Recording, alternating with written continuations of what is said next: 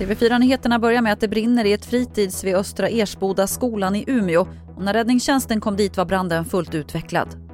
Ja, vi har över åtta enheter och totalt är det väl 25 man och kvinnor som har varit inblandade. Vi börjar avveckla lite grann men nu bryter vi då som i taket och då är det risken att det blåser upp igen.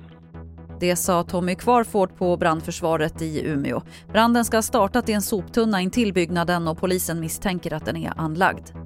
Under natten har skott avlossats mot en bostad i Sundbyberg norr om Stockholm. Det ska ha varit personer i lägenheten men ingen ska ha skadats. Platsen är avspärrad och polisen gör teknisk undersökning. Ingen har gripits. Och tidigt nu på morgonen ska en björn ha stått och strukit sig mot ett tält i närheten av Storulvåns fjällstation i Jämtlandsfjällen. Det var två tältande ungdomar som upptäckte björnen och de började skrika för att försöka skrämma bort den. Men det gick inte så fjällräddare, helikopter och naturbevakare fick rycka ut och hjälpa till. Det var det senaste från TV4 Nyheterna. Jag heter Lotta Wall.